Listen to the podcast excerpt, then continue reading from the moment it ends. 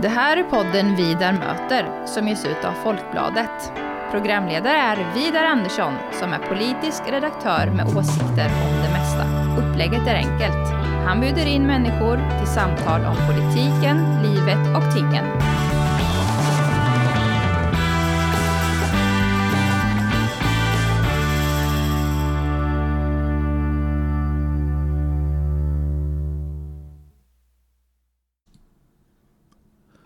Välkommen till Vidar möter Juno Blom.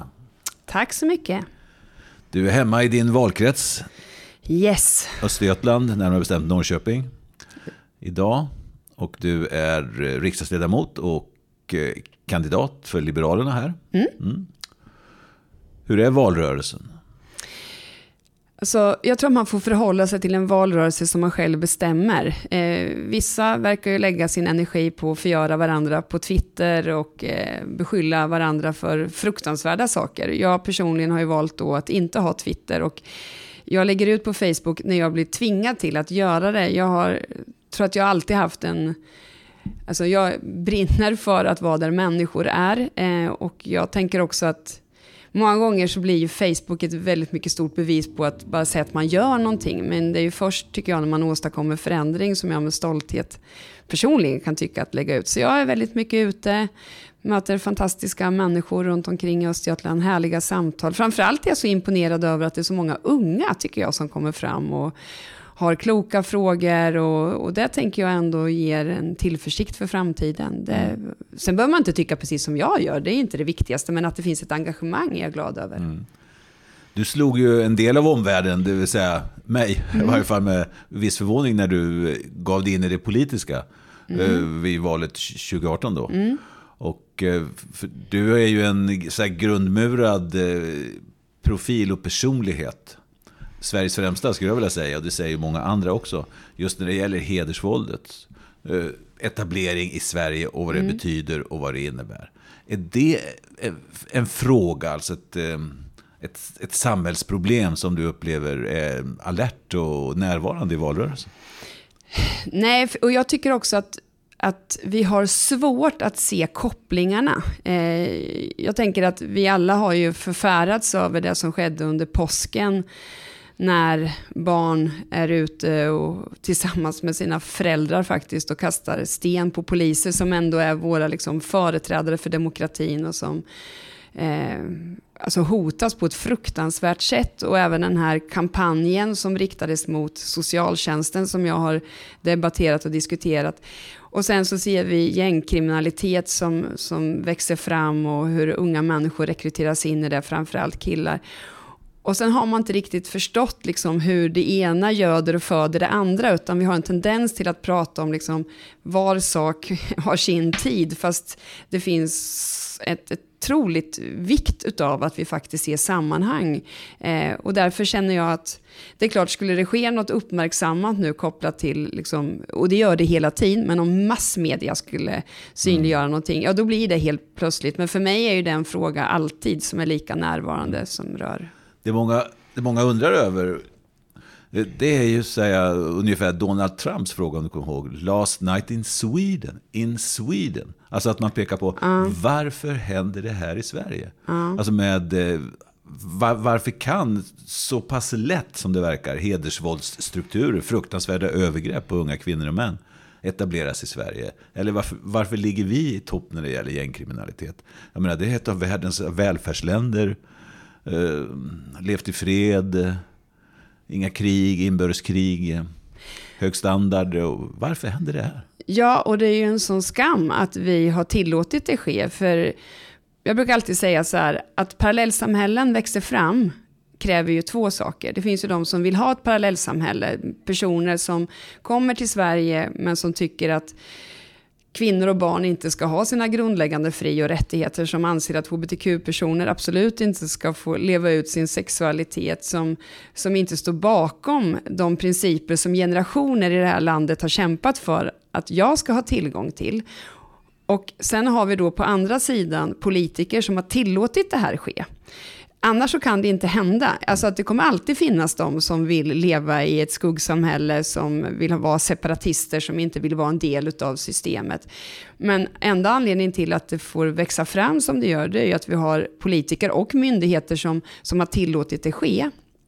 Och det som jag tycker är mest sorgligt är ju, eftersom jag har verkligen levt och verkat i de här områdena så länge, och det är också skälet till att jag blev politiker, det är ju att däremellan finns det en stor grupp människor som absolut inte vill ha det på det här viset. Men när vi inte utgör liksom en tydlig ryggrad och en kraft, utan att det är liksom de destruktiva krafterna som får diktera villkoren för människor som hamnar i beroendeställning av rädsla då eh, är ju det ett enormt lidande och ett svek mot oss alla. Det här har ju pågått länge.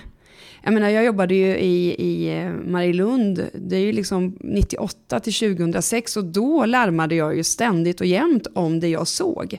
Jag kommer ihåg några killar som kom in till mig som hade kissat på sig. Då hade de fått pengar utav några för att gå upp och ringa på en dörr och när de vände sig om så stod det då personer bakom med pistoler liksom för att de skulle locka den här personen att öppna. Och båda killarna hade kissat på sig och blev ju livrädda. Och jag tänker det här är ju liksom så länge sedan. Och vi har vetat om att det här sker, men jag brukar säga att det är som en graviditet. Alltså man försöker att man försöker att dölja det man inte vill se. Men till slut så, så, så växer det i sån kraft och då möter vi oss alla. Och jag tror att i grund och botten så har vi haft, vi har liksom ett högmod. Vi, vi svenskar vill visa upp för omvärlden, titta här, vi är ett, vi är ett toleranta eh, och vi har varit toleranta till den grad att vi är toleranta mot den som är intolerant mot andra.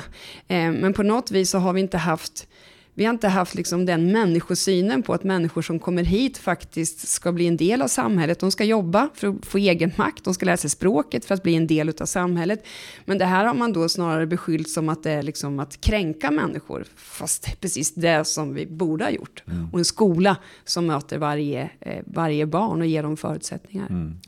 Jag ska säga här eh, för de lyssnare som inte är från Norrköping att Marielund är ett, eh, ett bostadsområde som tidigare var utsatt på de här listorna. Ja, men alltså det har ju ja. varit ett av de utanförskapsområden som eh, och där den här Blomman-pengarna som var då på 90-talet när man pratade om att man skulle jobba i mm. bostadsområden som var eh, liksom eftersatta, utsatta eh, och då skulle man ha liksom ett inifrån perspektiv. Och jag är ju så o, alltså oerhört tacksam för att jag, att jag fick möjligheten att möta människor. För den drivkraften som de har givit mig för att våga prata om de orättvisor som faktiskt finns där eh, på grundval av att politiker har tillåtit det se ut så, det, det är liksom ovärdigt Sverige. Mm. Eh, som du säger, det, finns, eh, eller det krävs ju två för att dansa tango. Ja. Och i det här fallet då i, i otakt, får ja. man säga. Och eh, dels de som vill och driver på det separatistiska, det vill säga att man ska delas in då efter hudfärg, eller var man kommer ifrån, kön. Ja, men och framförallt så tror jag att det handlar väldigt mycket om kön. Eh, det är ju liksom den stora delen. att liksom, Här handlar det om att, att eh, jag menar, hederskulturen bygger på det, men det handlar ju också om de värderingar, alltså de som är Antingen, för det måste man också komma ihåg, hur många människor har inte kommit till Sverige för man sökt sig till ett land som har demokratiska värderingar, för man har kämpat för de här frågorna i sina hemländer. Och när man kommer hit till Sverige så hamnar man i liknande situationer som i sitt hemland som man flydde ifrån. Och vi har bara passivt sett på och tillåtit det här ske. Mm. Det är den sorgen jag kan känna. Mm. Och svagheten ifrån vår sida. Och du säger en, en blandning av högmod och ängslan. Skulle man kunna säga feghet? Är vi fega? Ja, men jag tror att, att Absolut. Alltså, högmod för att vi, vi vill framstå i världen som att vi är ett land. Och, och, vi ska ju vara stolta över att, för det är ju en annan fråga. Det är klart, jag är också stolt för att vi har tagit emot människor på flykt. Men det går ju inte bara att ta människor. Jag brukar säga det att, att Många av de som har kommit hit har ju flytt liksom helt fruktansvärda livsvillkor. Eh, och så kommer man till Sverige och sen det enda man då kanske kommer ifrån är ju kriget. Men man blir kvar i förtrycket, utsattheten, liksom utsätts för nya övergrepp eh, i landet som man sökte asyl i. Och inte nog med det, om barn då vill ha sina rättigheter tillgodosedda, då har vi föräldrar som skickar tillbaks barnen till länderna som de själva flydde ifrån, utan att vi har liksom tydligt satt ner foten. Det här är ju en fråga jag har drivit, vi har ju fått till lagstiftning nu, men det hjälper ju inte när Försäkringskassan kommer med en rapport som mm. vittnar om så många barn som man inte har en aning om vart de befinner sig, trots att de borde vara in, skolpliktiga i Sverige under 16 år. Mm. Och rädslan, det tror jag är, rädslan är väldigt mycket att, att då bli kallad, att, att ge sig in och, och, debattera frågor som handlar om rättighetsfrågor. Hur det någonsin kan framstå som främlingsfientligt är ju för mig en gåta. Det är ju tvärtom främlingsfientligt att inte tycka att alla kvinnor och barn ska ha de rättigheter som jag och mina barn har haft. Det tycker jag är. Så jag kan inte ens förstå hur man kan landa i de slutsatserna. Mm. Det är nog mycket, som du säger, en ängslan som är, bor granne med feghet. När jag lyssnar på det, när jag kommer att tänka på, kommer ihåg den fruktansvärda diskoteksbranden som var i Göteborg. Ja. Och då skulle ansvaret hos de unga pojkar som var invandrare som hade anordnat det här skulle prövas. Alltså, självklart skulle det prövas. Mm. Men det var starka röster då i, eh, i media och politiken som menar på att man inte skulle ha ont värre, att de in, deras ansvar inte borde prövas. Nej. Och, och jag skrev om det där och um, och debattera. Jag menar, det är ju det yttersta föraktet. Alltså, de är inte ens värda att få sitt ansvar prövat. Nej. Som vilken annan svensk som helst. Nej, och det här tror jag är, vad heter det, men de låga förväntningarnas rasism. Alltså, eh, Nyamko Sabuni har pratat väldigt mycket om det, som själv kom hit som kvotflykting. Mm. Och, och liksom kan se, och jag, jag liksom verkligen, för hon var ju också statsråd under de åren som jag började arbetet, eh, det nationella uppdraget mot hedersvåld. Eh, och just det här med att våga faktiskt titta på att om vi inte har förväntningar. Och det är intressant när Barnombudsmannen sen intervjuade barn i förorter men också på glesbygd då var det exakt det barnen säger, att de möts av vuxna som har så låga förväntningar på dem. Så ganska snart kan man också se att barnen gör det här till, liksom internaliserar det, gör det till deras egna förväntningar på sig själva och mm. att man inte har någon framtid. Och jag tänker så här, då har vi då ställt frågor till barn hur de upplever sin situation. Och vi konstaterar det här och trots det så liksom låter vi det fortgå. Det är ju där eh, sveket finns mot mm. Det måste vara oerhört starka strukturer. Jag tänker på de här eh, två romska bröderna om, mm. med bistånd då av äldre generationen. Ja. Eh, kör ihjäl sin egen mamma. Ja. Därför att hon har träffat en annan karl. Ja. Och de bor och lever här i Sverige. Och, och liksom inget vansinnesdåd och sådär, utan eh, förberett, planerat vad det verkar. Jag menar, det måste vara väldigt starka krafter alltså. Som... Ja. Och jag tror också så här att att vi vet ju också om att det förekommer då parallella, inte nog med att vi har ett parallellt samhälle, vi har också parallella rättegångar, eller där man mm. beslutar konsekvenser då för olika handlingar. Eh, och det här är ju någonting också som har pågått. Jag menar, vi har ju sagt att vi måste faktiskt kriminalisera den här typen. Vi måste markera tydligt när det sker rådslag, oavsett inom vilken grupp det är, så, så kan vi inte ha en ordning där vi bara låter det passera. För jag menar, jag har ju också suttit, jag kommer aldrig glömma en kille som kom till mig och var helt förtvivlad och sa så här, du måste sätta mig i fängelse Juno. och hjälp mig att hamna i fängelse. Och du vet, det är ju en lite ovanlig fråga. Och då förklarade han för mig att man hade då hittat hans syster, hon hade lämnat familjen, för familjen hade då beslutat om att gifta bort henne med en kusin och hon ville inte det. Och hon hade då eh, levt gömd eh, och glömd av samhället, som många av flickorna och kvinnorna beskriver det. Eh, men då hade man skickat ut bilder till taxichaufförer för att försöka identifiera henne då i, liksom i landets städer där man hade personer som var beredda att hjälpa till. Och sen hade man hittat henne och då hade han fått i uppdrag då av familjen att sätta en, en bomb under hennes bil så att hon och pojkvännen då skulle eh, tas, liksom mördas. Och han vägrade att göra det här, han kunde absolut inte tänka sig att göra det, men kände också att om han inte gjorde det så skulle han ju själv eh, mm. få fruktansvärda repressalier från familjens sida. Och det enda han kände att man kunde skydda honom, det var ju genom att, att sätta honom i fängelse. Och det här tänker jag, det låter ju helt fruktansvärt, men om du då tänker på att vi har fått till oss nu att när flickor lämnar sina familjer så finns det ju flickor som placeras på statens låsta boende, för vi säger att det är enda stället som vi faktiskt kan skydda dem. Då är ju det precis på samma villkor som man gör i de här länderna, mm. där man inte har ett välfärdssystem som backar upp, men alltså då har vi ju tappat det fullständigt. Mm. Så killars situation måste vi prata mycket mer om. De är ändå de som ska bära det här framöver.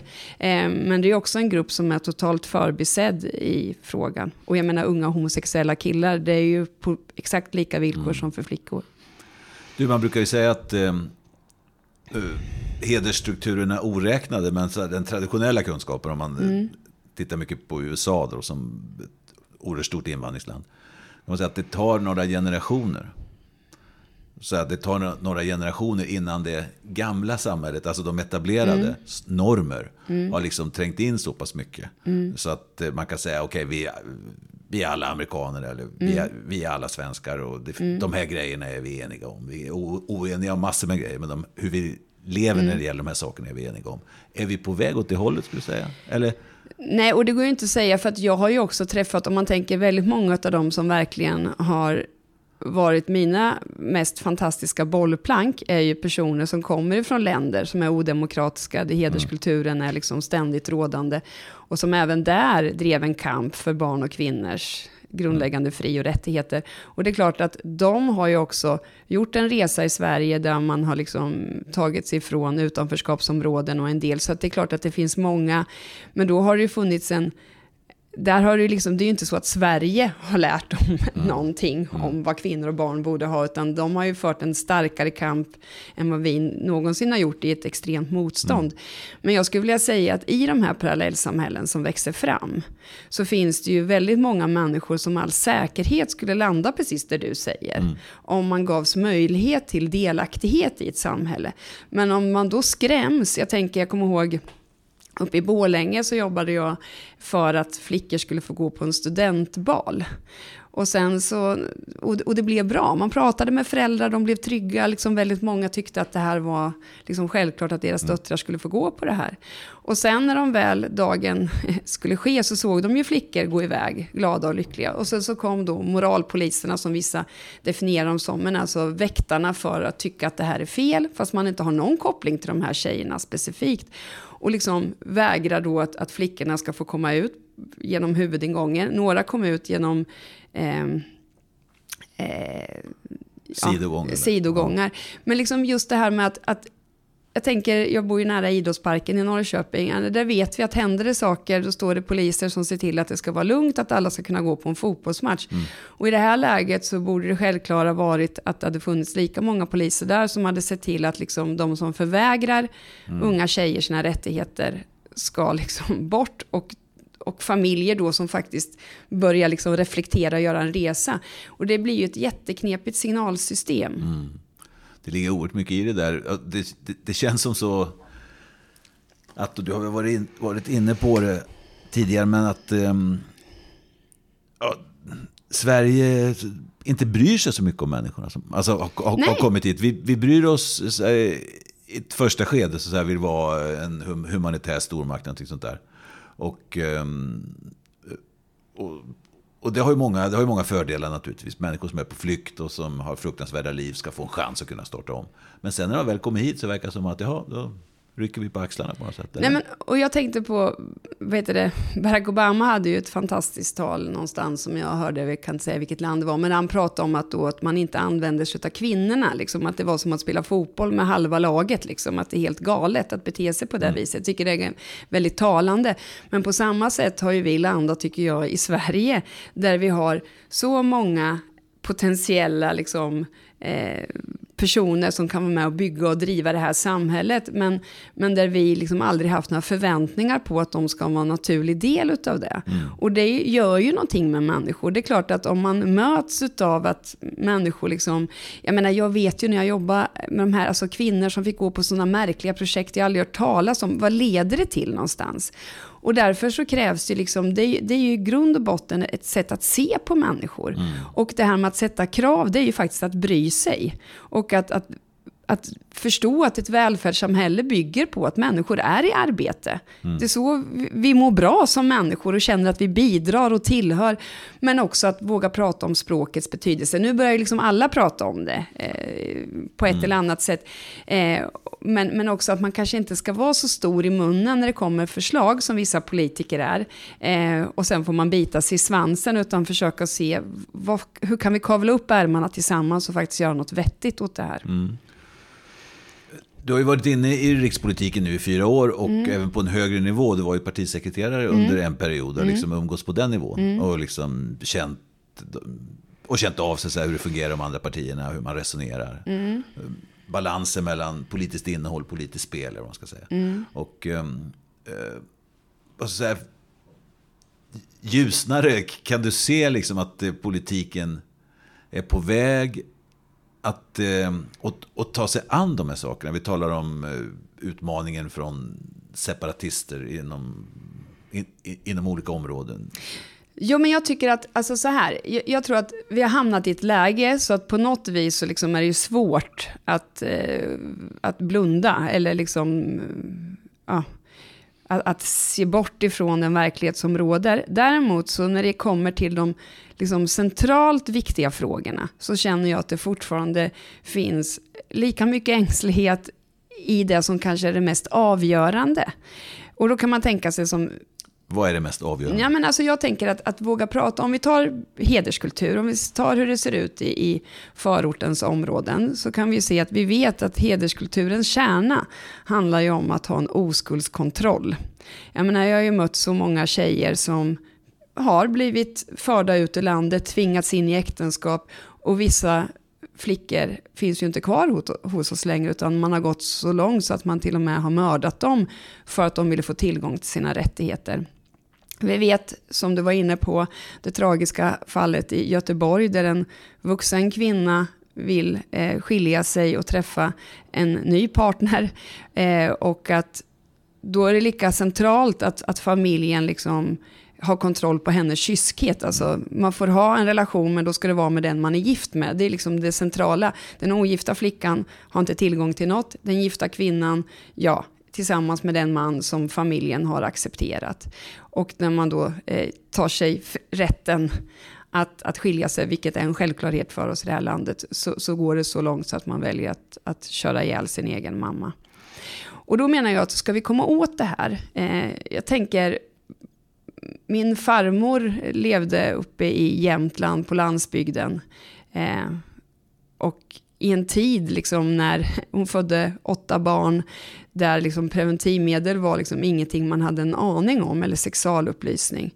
Och så fanns det då kvinnor i vårt land som verkligen drev på. Det började ju redan i slutet på 1800-talet, men sen så fick vi en lagstiftning som sa att man inte fick ha sexualupplysning och information om, om eh, preventivmedel. Men de här kvinnorna liksom vägrade acceptera det här, utan fanns där kvinnor behövde det som allra mest för att ge dem förutsättningar att faktiskt äga sin kropp, sin sexualitet, sin framtid. De drev ju också på för fri abort och så vidare. Och det här påverkade ju ändå vårt samhälle. Jag brukar tänka idag, för det här har jag aldrig tänkt på förrän jag kom att jobba med kvinnor och flickor och insåg att liksom vi bor så nära varandra men våra verkligheter är så långt ifrån varandra. Och det är det jag aldrig har tillåtit, jag kan inte acceptera det. Och då kände jag så här att då fanns det modiga kvinnor som trots lagstiftning vågade utmana eh, system för att ge människor självklara rättigheter. Idag har vi all lagstiftning på plats. Rättigheten finns, men inte möjligheten att åtnjuta den. Det är det som är den stora orättvisan. Och nu har vi... Därför att vi, skulle säga så, därför att eh, det officiella Sverige, man ska säga, accepterar parallellsamhället ja. och inte går in där. Ja, och för att det är ju precis det här som jag har varit inne på många gånger. Att vi, vi har ju, förutom att vi liksom Eh, vi är högmodiga på olika sätt. Jag menar, vi är ute i världen och pratar om att vi är ett av världens mest jämställda länder. Och det ska vi vara stolta över, för det är generationer tidigare som har kämpat för mm. att vi är där idag. Eh, och det ska vi ju då se till att det omfamnar alla flickor och kvinnor i vårt land. Och det är ju där vi har liksom haft en ängslighet. För att när vi möter motstånd, vi pratar gärna om att vi har rätten till att äga vår sexualitet, vår kropp, vår framtid. Det här ingår ju i våra jämställdhetspolitiska mål, det vi har beslutat om tillsammans. Men sen då när det gäller de som ligger allra längst ifrån den rättigheten, eh, när de vittnar om sin utsatthet och vi försöker göra någonting, det är klart att då möter vi motstånd. Eller hur? För eftersom det finns de som vill ha kvar de här parallellsamhällena. Och när vi möter motstånd, då vacklar vi, backar och så blir vi rädda och så, så tänker vi, så gör vi något annat. Så skriver vi om verkligheten lite för att vi ska liksom känna att vi, vi inte behöver ta de där stegen framåt som egentligen skulle behövas, precis som kvinnor gjorde mm. för min skull tidigare. Och det är där jag menar att när vi möter motstånd, det är då vi måste förstå att vi är något på spåren. Och det är då vi ska liksom göra ytterligare mm. åtgärder. När du säger vi här, menar du, när jag lyssnar på det mer och mer så känns det mer som om, eh, ja, det, man kan kalla det civila samhället. Alltså de här, mo, de här modiga kvinnorna, Nej. de var ju inte utskickade av staten, eller hur? Nej, Nej. Och, men idag, men det var ju för att på den tiden så fanns det ju en lagstiftning som staten hade beslutat om att man inte fick mm. göra det här. Så det är ganska naturligt att staten inte vill skicka ut mm. dem, utan de vill ju påverka. Idag är det ju inte staten, utan staten har ju tydlig lagstiftning som säger mm. vad man ska ha tillgång till och skyddas ifrån. Och då borde det väl vara naturligt att staten också tar ansvar för att det blir på det viset. Och vi har ju modiga kvinnor i civilsamhället som har, jag tänker på Seglia Dag, de här kvinnorna som också har varit ute och mm. pratat om att de har tagit marken ifrån oss. Mm. De har ju varit modiga. Det är inte så att det råder brist på modiga kvinnor i förorten. Mm. Men de har ju aldrig fått det stöd som behövs. Och då menar jag att vi kan liksom inte låta dem vara några soldater åt oss när vi inte vågar göra det själva. Mm. Utan vi ska ju backa upp det här och vi ska se till att det sker en sexualreformation i förorterna. På liknande sätt så måste man alltså gå in och börja prata om rätten till preventivmedel. Vi måste prata om att äga sin kropp, sin sexualitet. Vi måste gå på kärnan i hederskulturen mm. för att förändra de här strukturerna. Och då måste upplysningen ges till både män och kvinnor. För idag så har vi, och det är någonting som vi liberaler har drivit på, att nu kommer det ju en ny, eh, ny sexualundervisning eh, i skolan som ska prata mer brett om det här med samtycke och känslor och så vidare. Och det är viktigt när vi har ny lagstiftning på plats. Men också ta in hederskulturen i det hela. Men de här barnen, att de får reda på sina rättigheter. Och de själva kan ju konstatera när jag har pratat med dem att det hjälper ju inte att jag vet att jag har de här rättigheterna om mina föräldrar inte förstår och om det inte blir några konsekvenser när föräldrarna fråntar mig mina rättigheter. Och då måste vi jobba på båda fronter, stenhårt, för att frigöra människor. För det här är ju en total ofrihet att leva med de här bojorna. Mm. Alltså jag, jag skulle kunna berätta om så många kvinnor jag har suttit med som, där jag har också bad dem prata med sina döttrar om det här. Och hur de liksom blev så arga på mig och tyckte att jag om någon borde ju ändå förstå att hur skulle de kunna prata om förälskelse, kärlek, sexualitet, närhet, lust och allt det här eh, som aldrig har fått uppleva det själva. Mm. Vilka krav sätter jag på dem? Och det där är ju liksom smärtsamma ögonblick men också en insikt i att det är klart det är inte de som kan klara av det på egen hand. Utan vi måste stå upp för det här nu. Mm. Och med vi, då menar du staten, myndigheterna? Politiken måste Politik. vara ryggraden, ja. peka tydligt, mm. det här ska göras. När det görs så kommer det mötas av motstånd. Och då så ska vi stå där och verkligen visa på att liksom, det här är någonting som är beslutat för att det här ska genomföras. Och när motståndet dyker upp, då måste ju vi med kraft se till att stärka eh, alla strukturer för att orka fortsätta jobba med det här. Mm. Det är ungefär som jag läste någon intressant debattartikel. Jag älskar Pride. Alltså jag tycker det är, i länder där man hissar liksom Pride-flaggan, det är ett mått på ändå en viktig frigörelse. Mm. Men det var någon som skrev så här, jag skulle önska att de här tågen hölls i förorten. Och det kan man liksom inte kräva av, det är ju liksom organisationer. Men mm. vi borde liksom prata om det mer. Hur, hur finns vi där? Precis som de här kvinnorna som drev på mm de var på ställen där det var som svårast för människor. Mm. Och på samma sätt måste vi ha närvaro där. Och det säger Juno Blom, riksdagsledamot för Liberalerna. Och eh, en stor förkämpe och föregångare när det gäller insatserna mot hedersvåld. Stort tack för att du ville prata om de här viktiga sakerna här i Vidar möter. Tack så mycket.